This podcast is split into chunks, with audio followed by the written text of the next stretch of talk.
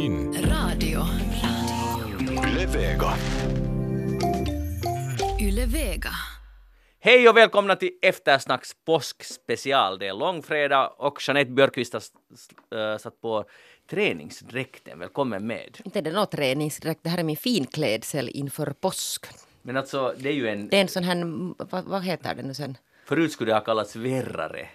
Men det heter säkert... Verkajacka, men det här är ju alltså en sån här med tre ränder på sig. Det är ju lite annat än en sån här vanlig. Är det? Så här klär jag mig vet du, när jag klär mig fint. Dessutom har jag nya såna här skor av samma märke. Men nu är jag jättenyfiken. Alltså, hur länge har du haft sånt sportmode som finkläder? Nå det där i 20 år. Aha. Har du inte märkt det? Mm, nå, nej, jag- hade tänkt att du alltid är på länk på något sätt. Men, men det är tydligen inte Men det är så. sån här fake. Ja, du trodde att jag alltid är lite Ja. ute och sport, Lite ute och sportar. sådär, men det, det var då en illusion. Nej, nu var det så att jag blev alltså det där fotograferad för branschtidningen igår och då hade jag också klätt upp mig i den här samma klädsel. Vad vill du signalera med den där? Ingenting, alltså jag tycker att det är bekvämt och jag är tillräckligt alltså det där självsäker för att gå så som jag tycker att det är skönt att vara. Okej. Så du tycker att jag ska ge upp Jag har också frågorna? sportbyxor, jag har inte några sådana civiliserade Vad har du byxor. för byxor? Nå, sådana sportbyxor, sådana här prassel. Men det är ju ganska har- skönt. Ja, gå, jag, jag förstår nog det. Borde jag också byta stil? det kan hända. Det, det är Jag är inte riktigt säker på att det klär dig det här. Pia-Maria Lehtola är sidekick idag. Välkommen med. Tack så mycket. Och när vi nu ännu är inne på kläder så måste man ju säga att här finns en viss kontrast i studion. Eller så tre, helig treenighet här. Men Pia-Maria Lehtola, kan du beskriva vad du är iklädd i? För jag vågar inte göra det. Hördu, jag, har, jag har faktiskt idag premiär för både turbanen som är kamelfärgad och den är gjord av bomull. Det passar väldigt bra nu när det är vår. Jag har haft en svart ylleturban hela vintern. Men det här signalerar nu, det här är ju det här, de här mina minnen från Tölödamerna. Aha. Som alltid nu återuppväcks här i, i turbanen idag, för turbaner är också mode. Ja. Ja, Det, man lär sig så mycket. Ja. Kamelfärgad turban. Ja, är det inte intressant? Kamelfärg är ju en sån riktigt gammal klassiker från filmstjärnevärlden. Kamelfärgade ulstrar kom ju på 30-40-talet och blev en stor hit i Hollywood. Och i. Frankrike. Jag, jag måste säga att den färgen är jättefin. Den är ganska så här lugn och harmonisk. Mm, ja, det, det är riktigt Ja, en lite klassiker. vintage ganska faktiskt. Ja, ja, och sen hör du klänningen är ju sen en sån här um, förmånlig kopia av en Chanel-klänning. Aha. Den har sån här, vad heter det, ylle, vita sån här ylle man, manschett, eller inte manschetter utan sån här ärmdekorationer och sen, sen har jag en krage också i det här samma lite tweedaktiga, Chanel-aktiga vita. Annars är den svart och sen är här pärlknappar. Så jag känner mig ganska fin faktiskt inför påsken. Vad bra! Jag tycker och, påsken är jätteviktig. Med Man ska klä upp sig för påsken. och ja. framförallt har du väl klätt upp dig för eftersnack? Absolut, ja. Och jag är glad också Magnus att, att du är här i, i eh, den här fina kardinalfärgen lila. Ja, Du är väldigt spirituell idag. tack. Och det, det känns, tack så Ja, mycket för det. ja. Det är just så jag känner mig. Spirituell och taggad inför eftersnack. Det där, jag heter alltså Magnus Lundén och programmet Eftersnack vi ska göra upp om veckan som gått samt förstås naturligtvis tala om påsken. Vi är inte här live uh, långfredag, det är ju bra det, men vi är ändå hemskt påskinställda. Men vi ska börja med händelserna under veckan. Vi tar valen lite senare. Jeanette måste hålla sig en stund ännu. Vi börjar med i Paris. Pia-Maria Lehtola. Notre Dame har brunnit. Ja. Och det var ganska dramatiska bilder man fick se. Alltså det var, det var så dramatiskt. Ehm, jag såg ungefär fem minuter efter att det hade börjat så började jag titta på, på de här internationella sajterna och, och för mig personligen så, så har Notre Dame alltid betytt mycket. Alltså sen, sen jag var liten så har jag beundrat en, en, en akvarell eller ett, jag kommer faktiskt- till det, ett grafiskt tryck. Det är ett grafiskt tryck ja, som min morfar hade i, sitt, i mormors och morfars hem av Notre Dame-katedralen svartvitt och sen med en svart ram. Och min mamma berättade alltid att hon som liten hade drömt om att få besöka Notre Dame-katedralen. Och när vi besökte Notre Dame-katedralen, hela familjen, då var jag typ 12 år. Så det var en sån jätteviktig viktig händelse för att min mamma hade drömt om det sen hon var barn. Och nu har hon den här tavlan då i sitt hangehus. Och sen, det här har ju väckt massor med andra tankar också. Hurdana tankar? Eh, tankar om, om mitt ämne faktiskt idag som kommer att vara helighet. Men, men om det här att, att det har kommit kritik också mot att varför ska vi sörja när, när det är några reliker och det är någonting liksom Kristus krona och sånt här när det finns människor som drunknar och människor som dör i katastrofer. Men här tycker jag att man får visst sörja. Man kan inte hindra fransmännen att sjunga Ave Maria i natten om, om deras liksom privata mm, starka minne av, av sin helgedom mm. är hotad. Så att jag tycker, samtidigt tycker jag det här är också väldigt symboliskt att det här händer. För det har varit så mycket rabalder och svårigheter med Paris och i Frankrike överlag. Så det är på något sätt som en sån här, jag skulle vilja citera en finsk orgelkonstnär som har besökt Notre Dame flera gånger och han, han sa att, att tässä on kyllä jotain outoa och då, då menar han att här är som det skulle vara någonting liksom ett, ett budskap från skyarna. Mm. Alltså det är ju faktiskt sådana tankar man fick jag, jag fick också det utan att någon sa det, jag tror att många fick det. Att det det no, vad är det? just nu, om man tänker, men sen, jag tänkte så här, att hur kan det efter, det har byggts, började bygg, byggas 1160 eller något mm, den stilen, mm. det, det, tog ju länge innan det var klart och så vidare, men att då tänkte jag att, att tänka att den just nu men under vår livstid brinner ner, då trodde ja. man ändå att den skulle brinna ner, men det gjorde den ju inte de facto alls. men att nu, nu kunde, men sen om man börjar lite studera så den har ju varit väldigt plågad under hela, eller inte hela tiden, men så nu har det ju hänt olyckor tidigare med, med Notre Dame och så vidare. Så så kanske det inte var så dramatiskt ändå. Eller Jeanette. Men nu var det nu dramatiskt att hon Jo, dramatiskt, här, ja, ja. Och de här brandmännen också som, som verkligen med hela sitt hjärta och hela sin själ liksom försökte rädda och, och rädda den också fint. Ja, jag, tar, jag, jag tar tillbaka, det var naturligtvis väldigt dramatiskt. Men jag menar att, att slutresultatet var inte så, så uh, förödande som man först kanske trodde. Jeanette, tycker du man kan sörja en byggnad samtidigt som lidande pågår på många jo, håll i jag tycker världen? att det blir alltid lite tokigt när man ställer saker alltså mot varandra på det här sättet för att det betyder att man kan sörja alltså både och. Alltså mm. det att man, att man sörjer en sån här symbol betyder ju inte att man inte skulle sörja de här de här som drunknar till exempel. Sen blev det ju mm. ganska mycket kritik kring det här. Det tog ju inte hemskt länge så har de ju samlat in hundratals miljoner euro för den här återuppbyggnaden och det har också sen blivit kritik, alltså jätte sån här kritisk storm över att hur kan man då liksom de här miljardärerna plocka fram pengar till det här men inte för att rädda till exempel då människoliv. Och, så det, och det blir liksom det blir på något sätt fel när man börjar ställa saker mot varandra på det här mm. sättet. Mm. Och nu är det ju alldeles klart att det måste byggas upp på nytt. Men det är ju självklart att det måste byggas upp på nytt. Men här, här jag läste i Svenska Dagbladet, Dick Harrison, historikern, skriver om, om att uh, egentligen så fyller det här med att den ska byggas upp fyller honom med hopp. Notre Dame har vandaliserats, byggts om och återhämtat sig många gånger genom tiderna. Naturligtvis kommer det spira att resa sig mot skyn igen, vackrare än någonsin, skriver han. Men så finns det en läsare som svarar på det här att, att det här är inte alls samma sak, att, att med dagens teknik man kan bygga vad som helst att det är liksom bara ett tomt skal. Vi kan, bygga, vi kan återskapa vad vi vill, och det, men det är ändå inte samma sak. Pia-Marie, vad tycker du om det här?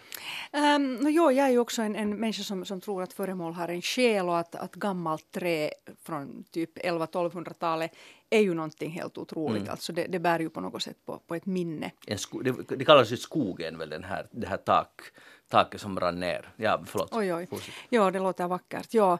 Så att på det sättet, men i det här fallet kan man nu inte sörja det utan man måste tänka att vi är ju också människor och vi gör ju gott också precis som då på 11 1200-talet. Att det är ju ändå, handen finns och tanken finns. Mm. Så nu finns det ju liksom mänskliga goda tankar kring det här, det här nya bygget också. Men jag förstår vad du menar att... Det var inte jag som mm, menade utan, ja. men jag tyckte det var ganska intressant poäng nog, för om vi tänker en stad som Gdansk till exempel mm. som är helt återuppbyggd. Det ser ut som det ska vara allt gammalt och fint och det är fint men när man går där så man kan, jag kan inte låta bli att tänka att för alla går omkring där, de som nu har råkat läsa på, alla som har läst på förstår, förstår, förstår sig förstås på det, men det ser oj vad pittoreskt och fint, men det är egentligen allt byggt ganska nyligen och, och samma hotell Kemp i Helsingfors uh, som ju är bara en fasad egentligen. Och det stör uh, aldrig mig. Nej, men, men det här är intressant mm. för, att, för att ska det vara äkta så att säga, eller Kempe är en helt annan sak förstår... därför, därför att det har ju människan bestämt att nu river vi det här och Men jag förstår upp. inte alltså vad är den här tanken då i så fall när man säger att man kan göra vad som helst och menar att man ska alltså förändra det här? Nej, jag tror, jag tror det här var nu bara en läsare. Uh, han menar bara att det är inte samma sak. Att Nej, vi ska inte hylla det att vi kan bygga upp vad som helst. Att då kan man ju riva vad man vill och bygga upp på nytt. Jo, och det är klart att det inte är samma sak. Alltså det kan ju inte vara samma sak för att ja. det kommer aldrig att vara samma träd. Men det där, jag vet att jag, den här diskussionen fördes också. Jag har försökt få grepp om alltså, att vad är det man menar alltså med det här mm. att man kan göra vad som helst nu. Att finns det liksom någon sån här underlig tanke om att man skulle förändra till exempel det här och göra någonting som är liksom tidsenligt det här tiden nu.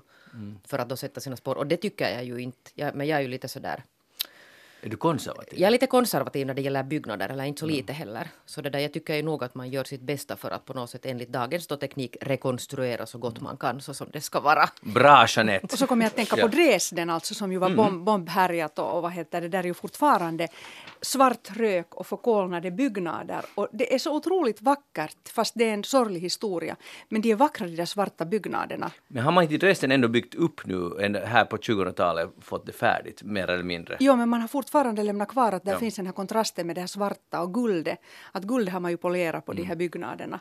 Men, Snyggt. men det är något mäktigt också över det. Sorgligt vackert och mäktigt. Och det, är- ja, och det handlar om att komma ihåg sin historia. Ja, Eller absolut. historien överhuvudtaget.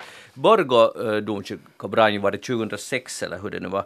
Det där, fick ni tankar kring det? För det, det var ju också så där, jag, jag, jag hade kanske varit i den en gång och ändå var det, det var ju ganska hemskt när det, Det brann. var ju alltså det där, det är ju herregud Borgå domkyrka. Ja. Jag jobbar ju alltså faktiskt den tiden på, på Borgåbladet så jag var ju där jättetidigt och på morgonen och följde med alltså sen hela den här processen och, och rapporterade också kring den här stackars Askola-killen som hade åstadkommit detta. Men det där, ja, den är ju återuppbyggd nu. Så det går. Så det här, den kommer att resa igen. Macron har, kanske kan nu ena Frankrike kring den här Notre Dame. Tror du på det, Pia-Maria?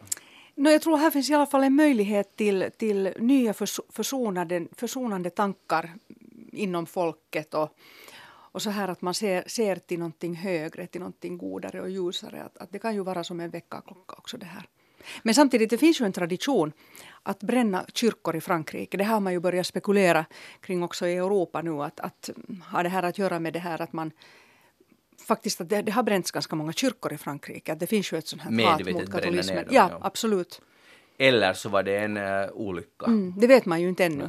Men, nej, men man får nu verkligen hoppas att Men jag tror ju att de har, de har väl nog sagt ganska klart att, att det finns ingenting som tyder på att det här skulle ha varit en anlagd brand. Nej. Fast jag vet att det fanns också vissa kretsar som ville föra fram det här. Ja. Det här ry- ryktena, men skvallret startade ju di- di- direkt när det sånt här inträffade. Men ja, ingenting sånt har framkommit och man får nog verkligen hoppas det inte heller finns någon som är sanning i, i de där. Men sen kan man ju fundera på att hur är det möjligt att det uppstår en, om det är en olycka? Hur kan man inte ha så mycket säkerhetsåtgärder att det helt enkelt inte kan ske? Det är också ganska konstigt. Så där borde ju, tänk på den om det, om det var en ren olycka, på den arbetaren, den, den chefen, eller vem det var som var sista som stack därifrån, om det är den personens fel. Tänk vilket ansvar på den s- människans axlar. Och de hade föråldrad teknik och sprinklerteknik så att de hade faktiskt inte skött det så bra det här med den här säkerheten tidigare heller. Not good. Jeanette Björkqvist, val har vi haft sen senast. Riksdagsval. Jag vet, jag vet inte vad svårt, du höll på att spricka här. Ja, det var du bara för att var lite- retas med det som jag tog upp för Notre Dame först. Så att det där, nu ska vi tala om riktiga sakerna, eller hur Jeanette? Ja. Berätta nu valet. Har du någon analys? Du har ju varit här i Yle Vega och Jag var ju kommenterat genast det. på och- måndag morgon Ja. med Göran Djupsund. Ja, det var ju en stor ära för dig. Visst var det. Alltså, Eller för Göran. Ja, nej, verkligen alltså inte för honom, men däremot nog för mig. Det var ju lite pinsamt. Jag sa att jag vet inte riktigt på vilka grunder jag var där, men där satt jag nog och var det där. Satt vi och funderade på, på resultatet. Mm.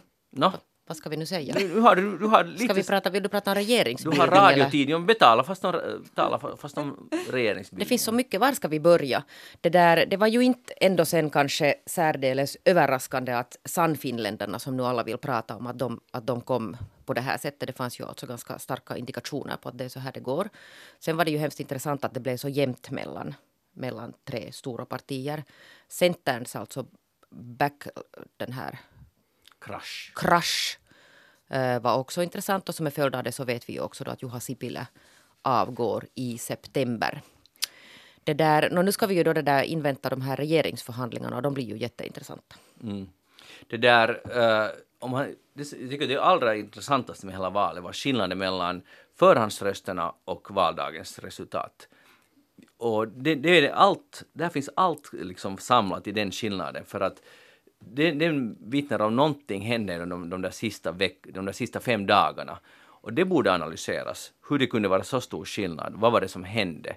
För att, eh, för att om, om det skulle blivit förhandsresultatets eh, röster, så det var ju sådär ganska förväntat att det var ungefär som man tänkte, Socialdemokraterna går ganska mycket framåt och gröna gick ännu mer framåt än vad de sen de facto gjorde, samma med Vänsterförbundet. Samfinland fick ungefär 15 procent. Sen hände någonting. Uh, vad hände däremellan, Jeanette? Det som hände var det att, att det här Sannfinländarnas uh, väljare mobilisera sig. Och det är ju alltså en del av demokratin och vi vill ju alltså att, att folk ska delta i valet och, och det gjorde lite fler, någon var det 2 procent fler än, än i förra valet. Och det här är alltså det där det här är ju det där så som det fungerar. Sen kan man fråga sig att vad berodde det då på att, att de faktiskt mobiliserar sig? Där kan man ju då titta lite när någon, om någon, vilket vi ju hoppas faktiskt, du har helt rätt, analyserar det här. Så skulle man kunna passa på också att analysera alltså medierapporteringen under dessa dagar. Att vem gavs rum och på vilket sätt gavs man rum? För att det var ju ganska stor fascination kring Jussi halla och Sannfinländarna. Ja, jag tycker det ut, liksom fanns nog inte riktigt så hemskt mycket kritiska kommentarer. Nej. Eller för att alla andra pressas ganska mycket och det ska man göra i en demokrati. Men jag tycker att Jussi halla som nu är alltså röstkung i hela Finland, blev nog ganska oemotsagd och han kunde köra helt sitt eget race i nästan alla debatter. Så det, det här har journalistiken ganska mycket att fundera på. Det är också intressant att uh, jag vidhåller igen det här med de här gallupgrejerna för att oberoende om man tycker att det liksom går åt rätt riktning eller åt fel riktning så gallupar förstärker en, en effekt som kanske finns och Elisabeth Rehn är ju det bästa exemplet i presidentvalet. Där var det ju också en gallupeffekt. plötsligt blev det hej vi ska rösta på Elisabeth Rehn alla. Och, och det var ju jättefint för henne och för SFP och för alla som trodde på att hon borde bli president. Men den här effekten att, att det blir en sån här snöbollseffekt helt enkelt som galluparna styr. Och man undrar ibland, att är det liksom på riktigt vad människor tycker, men sen kan, kan man ju inte säga att du tycker egentligen inte så här, för att alla har rösträtt. Så det, därför, det enda jag egentligen skulle vilja säga att man borde fundera på att ha en en veckas paus med gallupar just före valet. Då skulle folk måste tänka, vem vill jag på jag, just jag, Jag på riktigt att- rösta på? Ja, jag tror, att du har, jag tror att vi har talat om det här tidigare. Alltså, Vi ungefär kring, ja, och kring alltså varje val, alltså under alla dessa år som vi har suttit här, har vi funderat alltså faktiskt kring det här. Ja. Men, Pia så, Maria, ja, men samtidigt tycker jag ju att, att, ähm, att göra ett beslut om vem man röstar på, egentligen är det ju inte så svårt. Alltså jag tycker att inte behövde jag till exempel tänka så hemskt mycket på det. Att jag vet inte sen liksom, vi är ju så olika som människor men, men ähm, jag tycker det är ändå ganska långsiktigt det här hur man tänker och vad man tänker. Men det där tror jag att är jättepersonligt för att jag, jag måste nog säga att det där en stor del av min bekantskapskrets var jätteosäkra och sen börjar man tala, alltså om man nu, jag vet inte, har det liksom att göra att man är sån här hård konsument av politik. Men när man sen ska börja taktikera alltså. Och det blir, jag tror inte att, att det där min krets är den enda som börjar taktikera sen och sen börjar man fundera hur borde man rösta för att liksom åstadkomma någonting annat. Jag är helt emot den taktiken. Jag vet många håller på. För det första eh, betyder det ju att man har en viss hybris, man tror att man själv kan påverka. Man ska, jag tycker att det är jätteviktigt, må det sen vara ett litet eller stort parti, man ska rösta på den kandidat som man liksom känner bäst för, så stark, är det ju. starkast för. Men det är ändå alltså, jag, jag tycker att det liksom, jag, jag förstår också den här, jag kanske själv lite sån här att man blir sen Jag vet här, att du alltså är en helt sån. hysterisk alltså. Ja. Att, Men det är löjligt. För att man måste rösta på den som man tror på. no, men jo, jag kan göra det men sen om inte alla andra gör det så det blir ju liksom. Men sen ändrar det också. Jag vet att i en viss ålder så, så tog jag det på ett helt annat sätt men, men nu på något sätt när man ändå känner sig som en mogen person så tycker jag att man lyssnar jättestarkt till sitt eget hjärta. Och liksom att det måste vara ett äkta beslut. Att det ska kännas på något sätt lite nästan rent och heligt. Det, där. Och hittar det du är en, jätteviktigt hittar att du en rösta. helig kandidat dig själv? Jo, absolut. Jag är Bra. riktigt nöjd och Blev glad. hen invald? Jo. Oj, vad bra. Ja. Det var ju fint. Min blev inte invald. Jeanette, Min blev, ah, grattis! ja. Så nu vet vi, vi kan liksom, vi vet ungefär, eller vi vet 199 kandidater som du kan ha röstat på ungefär, eller 196 eller vad, vad vi ska... Här blir spekulation. Vem röstar Jeanette på? Det kommer vi inte att få veta. Men eh, Sipilä i Uleåborgs valkrets, det här, det här är ju viktigt för att han fick i förra valet tre, över 30 000 röster. Uh, men nu fick han 16 000 röster. Tänk också hur det måste att allt är förgängligt. Vet du, man är en hjälte en gång och sen nästa gång, okej nu är man ju fortfarande 16 000 människor har röstat på en, men för Centern är det ju katastrof det här valet. Också för honom personligen sådär popularitetsmässigt. Och då säger han ju att så här är det när man tar ansvar, vi är ett ansvarsbärande parti. Jo, vidare. men alltså det där är lite så det här, det är lite tomt det där för att, för att Samlingspartiet har också suttit där och det där blivit jättehårt kritiserade och de backar inte alls. Nej, för de har sina...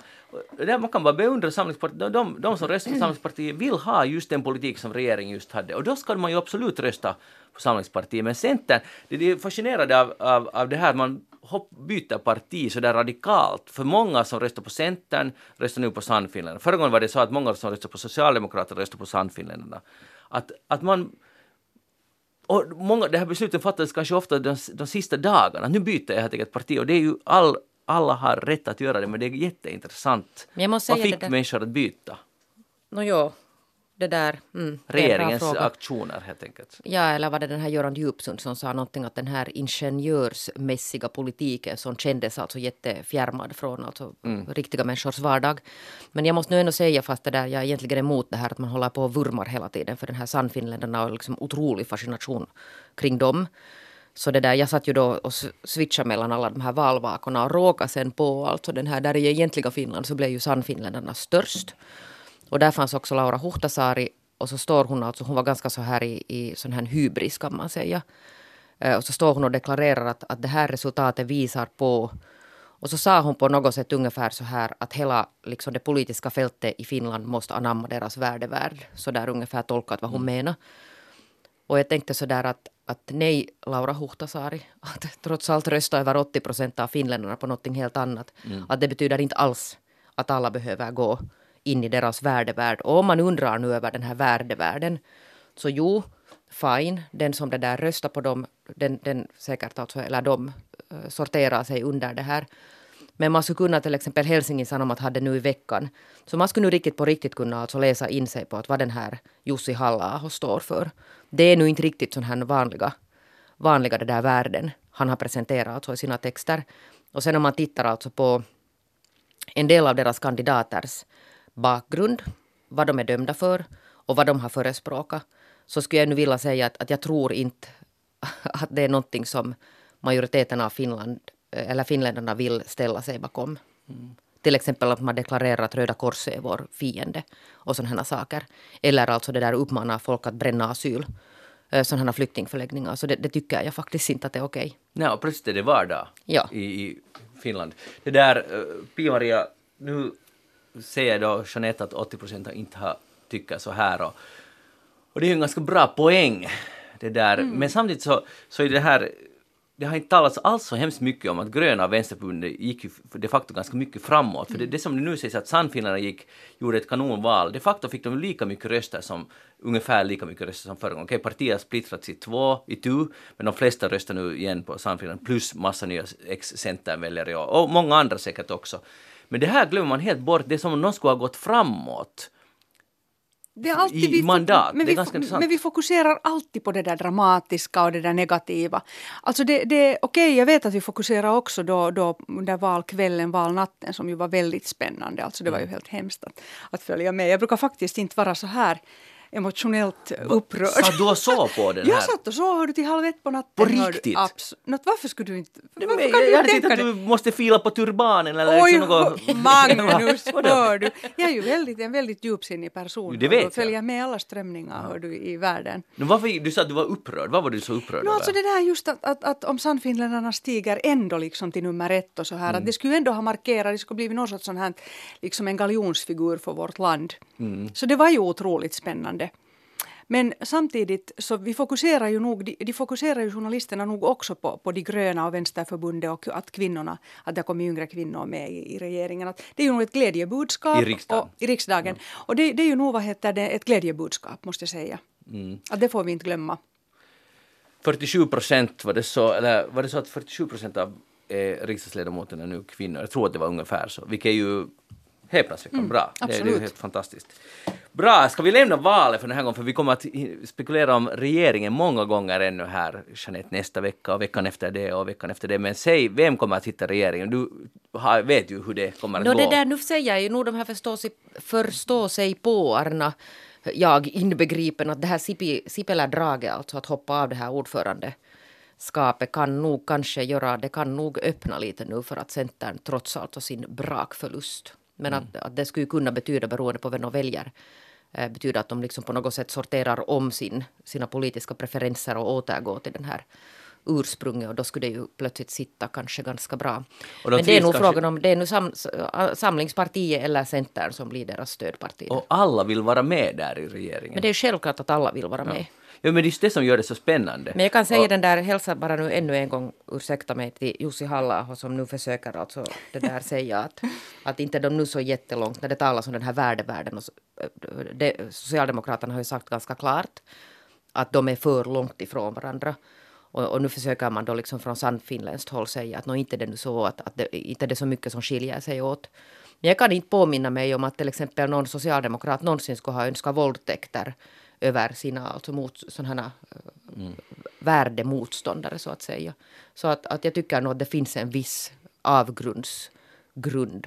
Rinne har ju nog antytt att, det är, att skillnaden är för stor. Jo, jag måste nog säga att, det att om, det, om det skulle sluta så att, att, att de, liksom plötsligt sorterar ihop sig så då, då är jag nog alltså extremt besviken. Jag måste säga det. På Socialdemokraterna. och, det kan, ha- och jag är kanske lite emotionell nu men för att jag har verkligen alltså följt med och läst in mig på vad det här en del av de här. Och jag säger inte att alla är såna.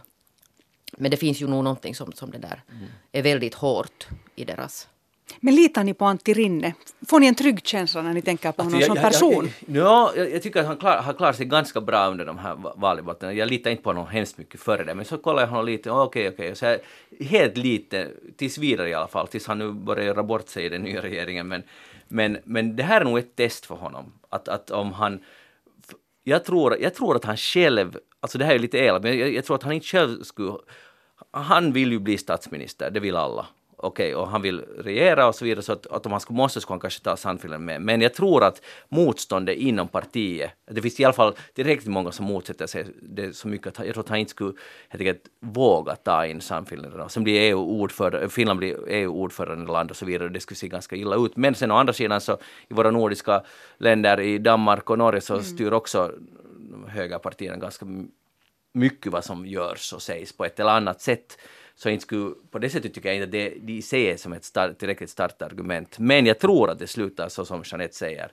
Centern vill ändå sitta i regeringen och de lite glömmer sin samlings, sina kompisar i Samlingspartiet och nu blir de istället med Socialdemokraterna och hoppas de får ny fart på det sättet. Sen plockar man med sig Gröna och SFP och Kanske vänster. uh, ja, men då blir det blir sen knepigare för Centern sen igen. Men, no, men de får SFP där med sig som sån här borgerlig liten. Det är sant, lite en kompis att Ja. hålla i. Men, och då måste man komma ihåg att alltså, segrarna i det här valet är ju de facto, okej, social, Socialdemokraterna visst, men också Störst, ja. Ja, grön, men Gröna Vänsterförbundet gick ju faktiskt framåt och det här glöms ganska mycket bort, så de, de borde ha en ganska klar mandat att få komma in i regeringen, om, om Rinne så tycker förstås. Men jag tycker att Rinne på något sätt hoppas jag att han har ett sunt bondförnuft. Ja, det kan du. Litar du, tycker du, har du en sån att du litar på Antti Rinne? No, inte vet jag nu om jag litar på någon det där.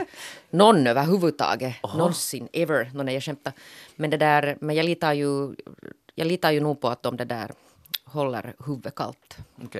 Hej, vi, bra, vi lämnar det för den här gången. Nu ska vi tala lite om scouting. Och jag vet det är ett favorittema. Ja, Men min dotter är ju scout. det, och det är bra det. I- Och i bra, en bra scoutkår dessutom. Ja, I dessutom. hundraåriga Helsingfors scoutkår Spanarna. Men i alla fall, eh, nu funderar man på scoutlöftet. Ska det innehålla ordet Gud eller inte?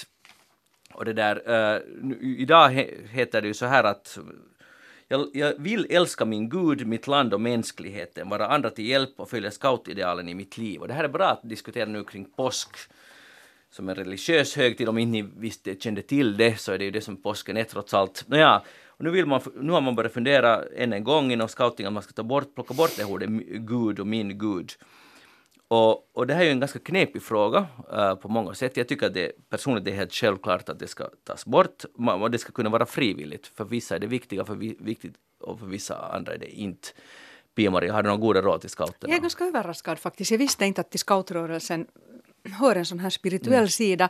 Eh, Jag tycker ju man kan tolka Gud ehm, på ett modernt sätt. Mm. Man behöver ju inte ha den här skäggiga gestalten på, på molnet. Man kan tänka det också som en sån här ljus, fin em, kraft som, som är liksom vårt högre jag eller en sån Mm. här vet du, fin kreativ kraft som, som vill väl. Så därför ska jag nu inte ta bort det ändå. Aha. Så ty tycker du att det räcker med att jag vill älska min Gud? För det här har man säkert liksom garderat sig lite, att, att det inbegriper också det som du kallar Gud. Kanske det skulle vara en bra lösning. Men det, det, det är just nu så är det Men idag. det, men det är överraskande, alltså faktiskt jag hade inte förknippat att det finns sån här Men skulle du plocka bort det alltså Magnus, du som är sån här... Ja, alltså jag lä- råkar läsa att i Nederländerna har man så här jag lovar att göra mitt bästa och så får man själv lägga till med Guds hjälp.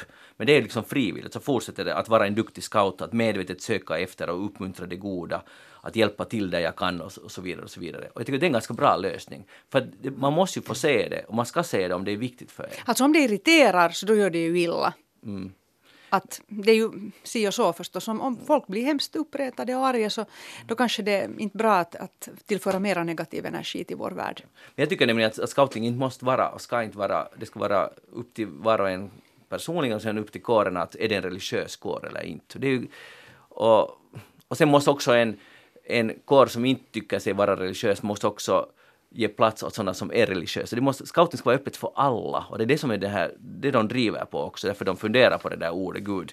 Men jag skulle vilja diskutera, för det finns en mycket viktigare sak i scouting och det är scoutidealen. Och den här, jag får nästan tårar när jag läser det här. Och jag tänkte faktiskt eh, lite utmana Jeanette Björkqvist, att vad tycker du om de här sakerna? Och om vi säger att Jeanettes ideal är att, och sen kommer det, utveckla sig själv som människa. Tycker du att du jobbar på det? Ja, jättemycket. Varje dag? Hela tiden. Just nu också sitter jag och bearbetar. Bra, för jag tycker att nu, jag, jag, jag kan inte påstå att jag hela livet har försökt jobba på det, men jag skulle säga att det senaste Kanske egentligen efter, efter jag fyllde 50 så har jag äntligen förstått vad det här du har varit scout, vad då, så du var sju år Jag vet, men gammal. det här att utveckla sig, sig själv som människa, det är ganska mycket sagt. Pia-Maria, jobbar du, du på det? Jo, verkligen. Alltså varje dag måste man göra ett val. Ja. Den som liten så, så förstod jag att det finns två vägar. Att man tar den där lätta vägen där man är arg och säger vad man vill. Eller sen tar man den lite svårare vägen och, och processar saker och sen säger man bara liksom positiva och goda saker. Bra. Och det här gör jag varje dag får jag välja det här. Du är en scout? Fast jag var nog en balettdansös som ung. Okej, en scoutande balettdansös. Okej, känner ni aktning för andra?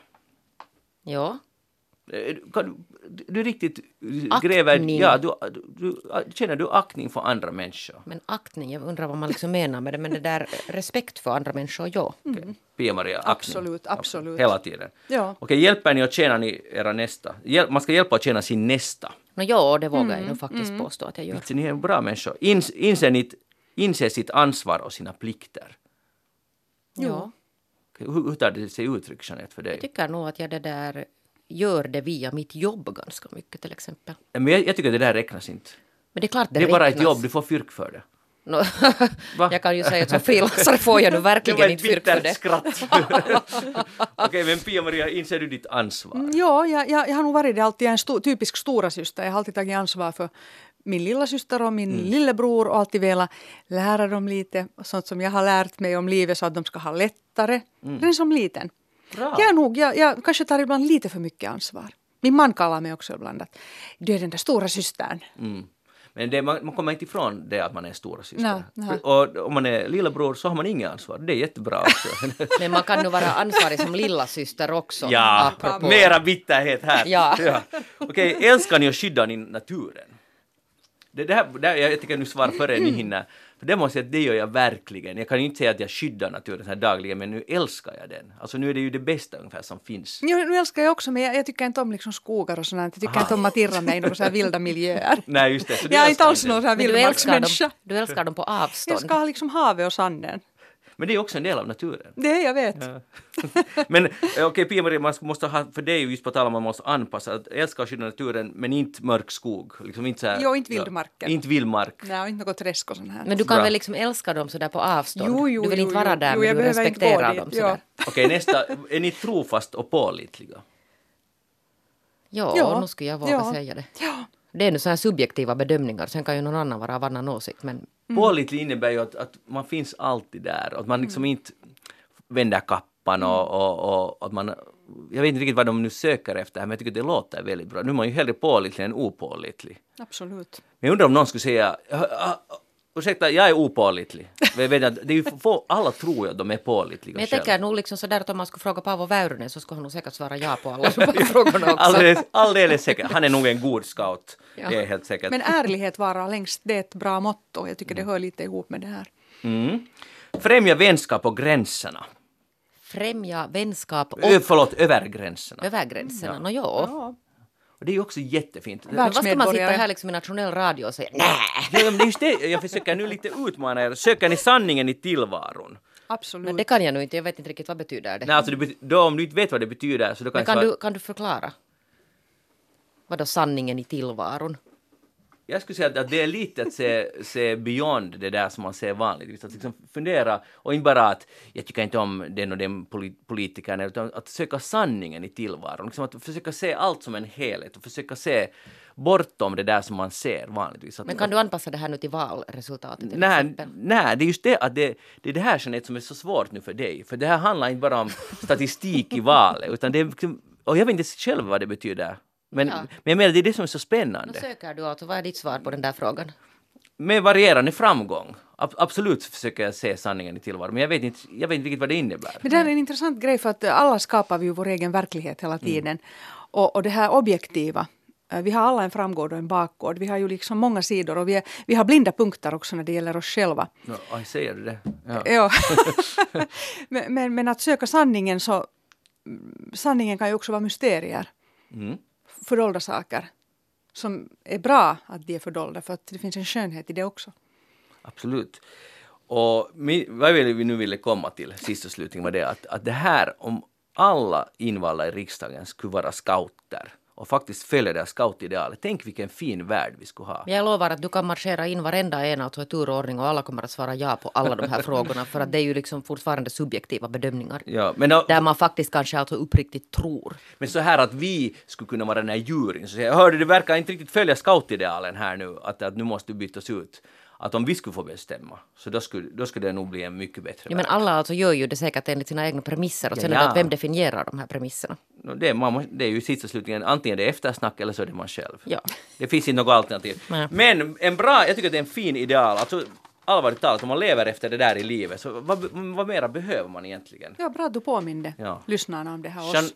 just det, Jeanette Björkqvist, vad har du tänkt på det? här? No, hör du, vet du, jag, jag råkar nu titta, eller inte råkar, jag tittar ju på alla nyhetssändningar som kommer alltid med det där. Jag ramlade här i veckan över äh, ett nyhetsinslag på MTV3 som jag blev jätte, jätte förbryllad över. Äh, som handlar alltså om det där, det hade gjorts någon utredning av något alltså kommersiellt bolag tydligen som försöker lansera några sådana här nya apparater för små barn. Eh, men det var nu liksom en bisak. Men de hade gjort alltså en sån här opinionsundersökning om föräldrars syn på eh, små barns användning av smarttelefoner. Och, och jag satt så där liksom och följde med det här och det visade sig då att, att det där, alltså det handlar om, om eh, upp till 12 år gamla barn, alltså inte tonåringar, alltså under 12 år gamla barn. Och deras föräldrars syn på, på barnens då mobiltelefonanvändning. När man skaffar mobiltelefon åt barn, eh, ganska många har tydligen egen mobiltelefon redan när de är fyra år gamla. Medan föräldrarna alltså egentligen tycker att de borde få en telefon först när de är nio. Och sen, sen frågar man då att hur oroade de är över eh, de här småbarnens användning. Och jättemånga var hemskt oroade. Och bland annat alltså därför för att det tar alltså barnens koncentrationsförmåga. De är rädda för att barnen ska alltså ramla över sån här olämpligt innehåll när de surfar där på sina telefoner. Eh, och sen samtidigt så visade det sig att, att en stor del inte ens är medvetna om vad det är för sidor barnen besöker. Att man liksom ger en telefon åt barnet och så får barnet sitta lite och så sitter barn, föräldrarna och är lite oroade. Och jag blev, jag blev jätteförbryllad av den här nyheten för att det var sådär som att det skulle vara någon sån här naturkraft som föräldrar inte kan påverka. Att det där oj nej, nu har mitt barn en mobiltelefon och oj nej så den är nu alltså absorberad av sin mobiltelefon och, och det finns inte riktigt någonting jag kan göra men jag är hemskt oroad. Och då tänkte jag att någon lite föräldrar liksom lite lost här. Det fanns att en stor del av föräldrarna hade ingen aning ens till exempel om hur man ställer in sådana säkerhetsinställningar på det här barnets telefon. Utan man nu köper då åt, åt en fem sexåring Det är tydligen ganska vanligt att, att barnen får senast, alltså när de börjar skolan. Så som också vår dotter fick eh, en telefon när hon börjar skolan. Alltså helt enkelt därför för att hon rör sig på egen hand redan. Och jag vill kunna alltså ringa till henne. Men det där, nu är man ju lite sådär Men är det här nu en nyhet att, föräldrarna, att dagens föräldrar är borttappade? Är, Nej, det är det, det, är det nu kan, nej, det är jag inte alls. Alltså. Men här var till exempel, de hade frågat att 64 procent av föräldrarna tycker att det är jätteirriterande när, när barnen inte lyssnar, alltså inte, inte hör någonting för att de sitter på sin telefon och inte hör när föräldrarna försöker tala med dem. Och så är man liksom jätteirriterad Nå, vad gör man då? Man står där och är irriterad. Och sen visar det sig förstås att, att det hänger ju delvis också ihop med hur mycket sitter föräldrarna själva på mobiltelefon. No, tack för det, för det, det här är ju det som klingar så ihåligt i alla sådana här forskning. Jag blir så störd på det, för det är alltid dagens ungdom, dagens barn och vi... Alltså det, Men det är ju ingen, alltså, det är ju ingenting som dimper ner från himlen. Nej, alltså. nej. För det första är det föräldrarna som har köpt den telefonen, Jo. helt som du sa. Men dessutom är föräldrar de sämsta exemplen, alltså sämsta föredöme, som är helt absorberade av sina skärmar. För de, de har inte vuxit, vi har inte vuxit upp med dem och vi vet inte hur vi ska bete oss med dem. Vi beter oss som ouppfostrade jävlar. Alltså, Ja. Det är klart att barnen ser det här och jaha, det är så där det är. Och dessutom, jag, jag tycker inte alls att barn är något värre än vuxna i det här. Nej. De är sundare i Men så sen tycker jag också att, att vi, vi tror alltid att tekniken räddar och tekniken Mm. är som en gud och tekniken är snäll och tekniken är bra och, och den underlättar vårt liv. Men den gör oss också lata, den tar bort av vår egen liksom just uppfostringstid och så här. Så att ehm, det där att man borde, borde fundera att vad är det vi, vi laddar in i, i, i tekniken? Vad är det för vad, vad blir det en symbol för? Blir det liksom en ställföreträdande just förälder eller blir det någon sån här undergörande mm, siare på något sätt att via telefonen kan du veta vad du ska göra och så här. Att du tappar din egen vilja, du tappar ditt sunda bondförnuft, du tappar kontakten med verkligheten och, och de här relationerna face to face där du kan också se olika sådana här små mikrorörelser i andra människors ansikten och kroppsspråk och då förstår du bättre och då når budskapet bättre fram och det blir djupare och finare beslut. Det där är jättelätt att hålla med om, för att det är det som man går miste om. Och jag menar, vi är ju alla mer eller mindre likadana. Jag tycker att det är nog vår tids, alltså det är nog ett stort problem. Tekniken har gjort massa fina saker. Alltså det, det, ska man inte heller, jag kan nu följa med hur varmt det är i lerhyddan och det är jag jätteglad över. Att det ger mig glädje. Ja, ja. Men det är ingen annan glädje, men det ger Ja, mig glädje. ja, ja, och, det, och det där och luftfuktighet, hur mycket laddar solpanelen just nu? Jag älskar det. Men, men, men jag, jag har ingen illusion att någon annan nu måste lyssna på det här förutom eftersnackslyssnare men i alla fall.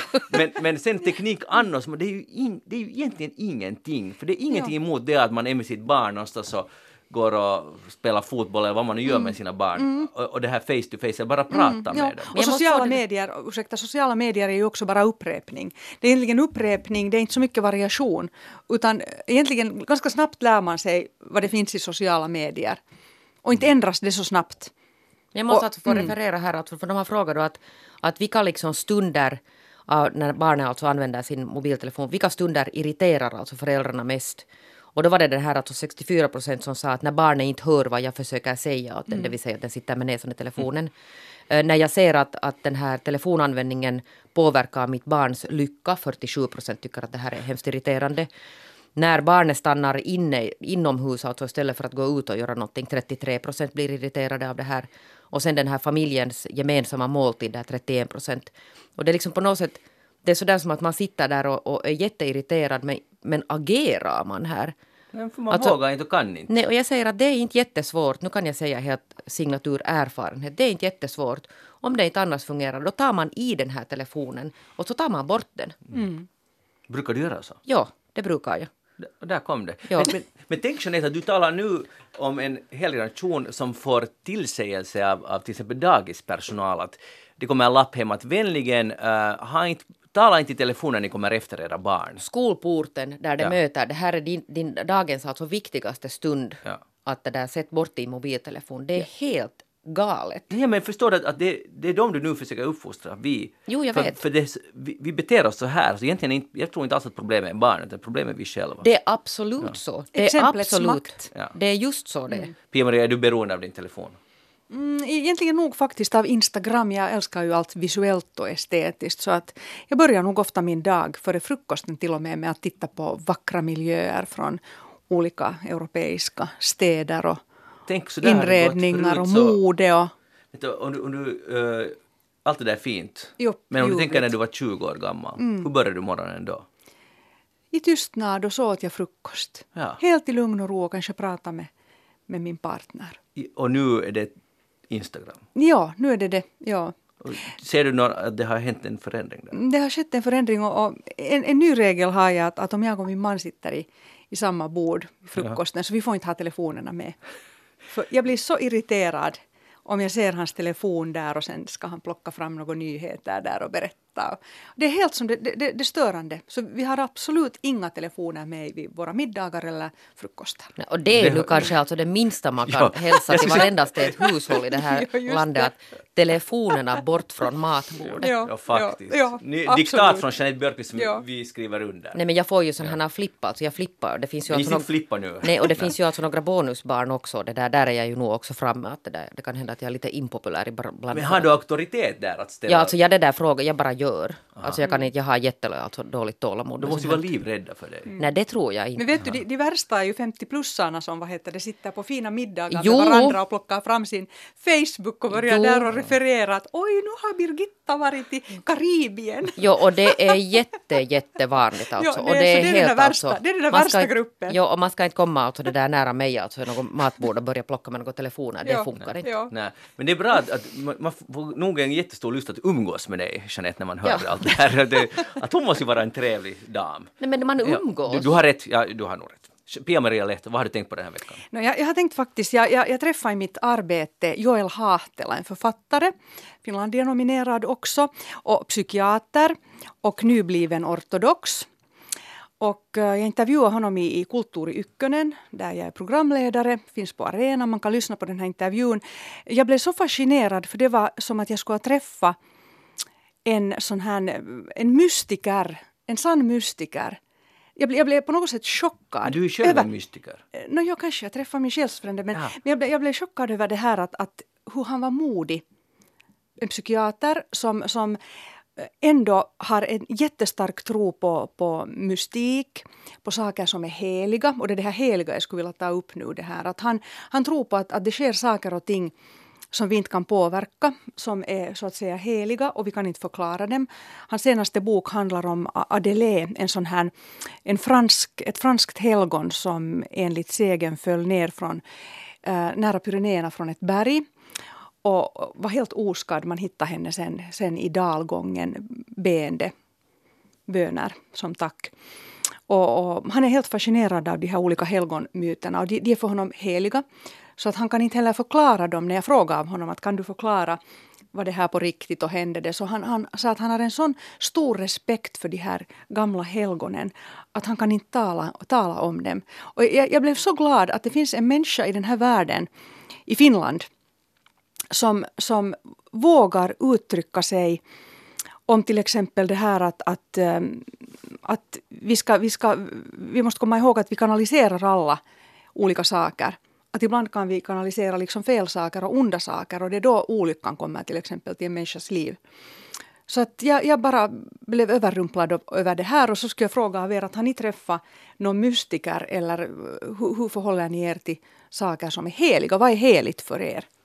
Två frågor egentligen. Wow! Alltså en av, jag sa ju redan det här att söka sanningen i tillvaron, Mm. så att som scout så är man förpliktigad att göra det, Jeanette. Men, Mm. Men att det där, när du nu frågar om mystiker, så den, kanske den mest mystiska person jag träffar sitter ju här i studion just nu. Ah, jag Liksom- tänkte att du skulle dra fram Ior Bock. Aha, Ior Bock, nej jag tänkte på Pia-Maria Lehtola. Oj, och jag Att- som är ingenjörens dotter Jag och vet, jag borde ju vara det väldigt, jag gör är väldigt spännande. teknisk. Ja, men, men det är ju det här som gör det spännande. Det kommer sånt här eh, och jag tycker det är intressant och sen kan man fundera på det man har samma åsikt, men det är en annan, annan sak. Så att eh, absolut mera mysticism, men man måste nog vara lite, eller man måste och måste, men jag tycker att det är fascinerande med mysticism, men jag är gärna ganska kritisk. Alltså, just att försöka fundera. Vad är farligt med, med mystiker? de var alltså farligt, alltså, därför att jag, och det här är helt oberättigat, men jag ofta förknippar det sen med sekter och sånt, att, att, att det blir en kult. Men det finns ju också ensamma mystiker som Jo, jo. drar sig undan och, och, och är fria från samhället och, och funderar och kommer fram till sådana universella sanningar som skulle vara bra för mänskligheten. Men det är alltså ett brett spektrum där. det, det- ryms alltså både det- sekter och sådana här... Men det ryms ju inom alla yrkeskårer, så ryms det vad som helst. Verkligen, det, och det glömmer man ju ofta. Bland läkare också. Ja, bland, möjligt. det, exakt. Eh, Så det blir ofta så att det finns vetenskap är, det är perfekt och det Mm. finns inte en enda bluffmakare där och sen finns det mystiker och där är alla. Det håller jag helt med om, att man måste vara liksom mera öppen och sådär. Eh, Men jag menar bara att, att eh, det var ett klichésvar. Mm. För att lätt tänker jag att en mystiker, eller man, jag tror att många tänker så att ja, det är sekt och det är, det är bluff och det är allt sådär. Men det finns ju säkert hela spektret. Du talar nu om en god mystiker som Jo, en någonting, sanningssökare, alltså ja. en sanningssökare som vågar vara ärlig och som inte skäms över att säga sånt som man i dagens läge liksom eh, tycker att eh, ska bort från vårt samhälle.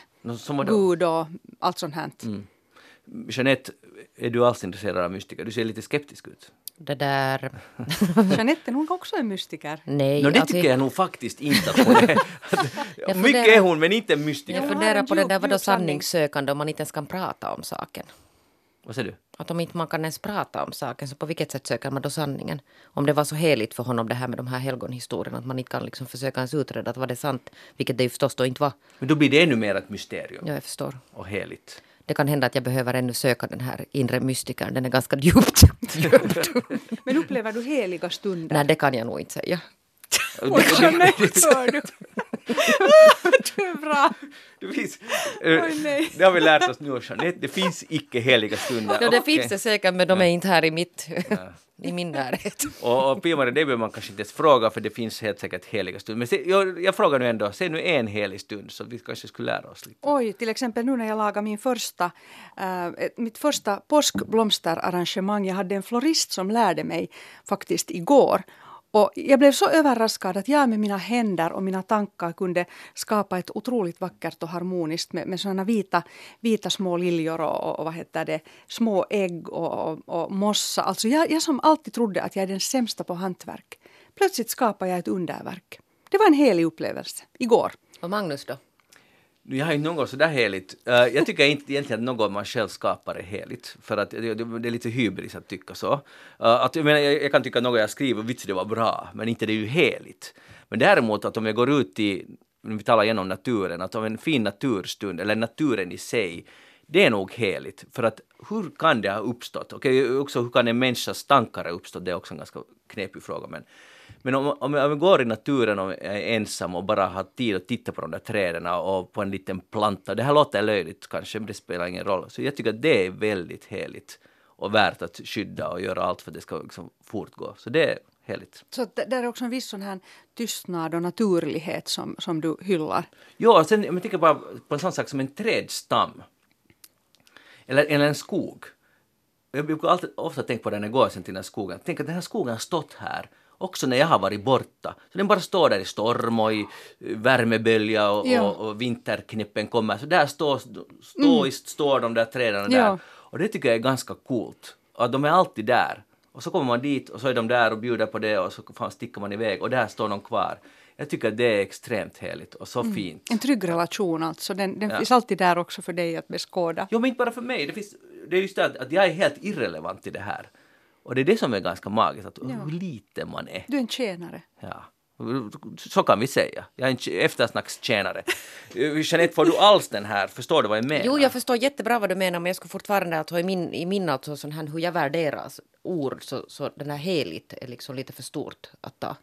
Aha. nå, vad skulle du... Jag säga det är ju mäktigt. Mäktigt, men vad skulle du använda? För, just det, för det finns ingen som är heligt för dig då. Nej, det, det finns det säkert, men det där, jag har lite, det, det är lite sån här kanske, jag är lite mer så här, jag är från landet. Jorden. Där kom det! Och nu kan man inte mera säga någonting. Du är från landet och det finns inget heligt. Saken klar. Hej, i huset äh, i skärtorsdagen är det här en annons från äh, kyrkan, Eve, Eve, Evelut kyrkan i Finland. Helsingfors församling, Esbo församling, Grankulla församling församlingar, Vandasvenska, Olaus Petri och Deutsche Gemeinde. Nåja, och ganska bra rubrik, Upptäck påsken på nytt. Och jag måste säga, den är jättedåligt layoutad, eller inte speciellt bra i alla fall. Men jag blev ändå stanna upp på, den här, på det här uppslaget, upptäck påsken på nytt, för det här är just det som vi inte gör, som jag sa, antydde här att ja, det är ju sen en religiös helg det här. Och jag har inte någon sån och jag tänker inte heller ha det för det är inte så jätteviktigt för mig, det är inte på det sättet heligt för mig, men ändå har jag nog en respekt för vad påsken är. Och nu undrar jag, har ni någon som helst religiös eh, tradition i det här firandet av påsken hos er? Nej. Nej kom svaret från landet och, och Pia-Maria Lehtola. Ja, jag brukar nog alltså på riktigt alltid på fredagen när jag gör, jag har som tradition att jag gör den här heliga paschan enligt Maria Alfredovnas gamla recept. Och, och jag, jag, jag, jag har det som en ritual alltså att jag brukar alltid känna att den här långfredagen är ganska tung och krävande och, och jag har faktiskt besökt ortodoxa gudstjänster i Hangö där man tar ner alltså Kristus från, från altaret och det, det kallas för att man tar ner liksom Kristus från korset och så får alla Ehm, i församlingen då gå och, kyssa Kristus. Och det har varit för mig jätte, jätte starka upplevelser, fast jag inte är ortodox. Och så kommer där små barn och deras uppgift är att klä då Jesus på korset med, med påskblommor och blommor. Och det här har nog varit för mig en jättestark äh, tankeställare, det här med, med, med lidande och hur vi alla ändå har lidande i våra egna liv också. Och, och lidande i världen. Och att stanna upp äh, vid det och inte, inte täcka det. För att jag tror att människan kan bara växa genom att, att förstå det och gå in i det. Och inte, liksom, inte glömma det. Men, och det måste vara via Jesus lidande, det är så du säger det? Det behöver inte vara så, men, men min personliga upplevelse är den. Men påsken är ju alltså, är det nu någonting så är det ju det här som står i fokus. Ja, men tänk så det har förändrats det här firandet av långfredag, eller hur man ska genomlidande av långfredag, hur det har varit tidigare. För- jag har nog lite problem med det att, att det ska vara en dag av lidande och, och Men nu är in- alla butiker öppna. Ja, och det, sen igen tycker jag det är synd att det blir allt för sekulariserat. Sen, det, det hur man aldrig är nöjd. Att förut så tyckte jag, och vi har ju inte ens vuxit upp i den tiden när långfredag var liksom på riktigt långfredag, man får inte dansa, man får inte spela kort och, och allt sånt här. Eh, Man ska helt enkelt inte få ha roligt för att nu ska det lidas. Och det tycker jag också är ett konstigt sätt att, att eh, att fira det, jag förstår ju vad det bottnar i. Men att okej, okay, långfredagen, men nu tycker jag avsluta med en rolig nyhet. Jeanette, nu har forskningen visar att katter känner igen Ja, sina namn. ja, det skulle jag kunna berätta redan Skulle du? för 30 år sedan. Man har nämligen forskat i, vad var det, 77, det är ju inte så hemskt många olika katter runt hela världen, en, ett japanskt projekt, och så har man kommit fram till att man har testat kasta ut ord till katterna och de flesta katter reagerar när just deras namn kommer. Självklart gör de det. Pia-Maria, visste du det här? No, jag visste i alla fall att undulater kan det här, för min undulat lärde sig till och med att säga Charlie, som den hette. så det var snäppet vassare än vad undulaterna. ja, för de kan prata, katter kan ju inte prata No, no, på det det, det. sättet. Det så, det. Inte så som vi förstår. kan det. Jo, de kan, men inte så att vi förstår. Visst kan de prata så att vi, man måste bara lära sig tolka dem. Ah, det är det. Jag är ju en kattviskare. Du, Okej, vet du hur många katter det finns i världen som är, Många. bor hemma hos människor? 600 miljoner. Oj. Nåja, det, Det är är, alldeles mycket. för lite. Men nu ska jag önska, alla en glad katt, påsk och lidande eller inte lidande, ni alla väljer själva. Jeanette Björkqvist, ha en skön och lugn Glad påsk. påsk. Glad påsk. Eller lugn, glad. Hur- Vad vill du att Pia-Maria man ska säga till dig? Glad eller lugn eller skön eller Helig påsk. helig påsk? Det var ett fint avslut. Ha en helig påsk till alla. Jag heter Magnus Lundén. Programmet är alltså Eftersnack och ni får gärna gå in på vår Facebook-sida om ni vill diskutera här under påsken. Om ni inte klarar er utan sociala medier så finns det ett svar och det är facebook.com eftersnack där vi jag hoppas att vi inte hänger där över påsken, men man vet ju aldrig med, Jeanette. Eh, och ni kan också e-posta, oss på eftersnack.yle.fi om ni har något på hjärtat. Nu önskar jag er alla en helig och skön och glad påsk. Alla väljer själv. Ha det riktigt bra tills dess och hej då!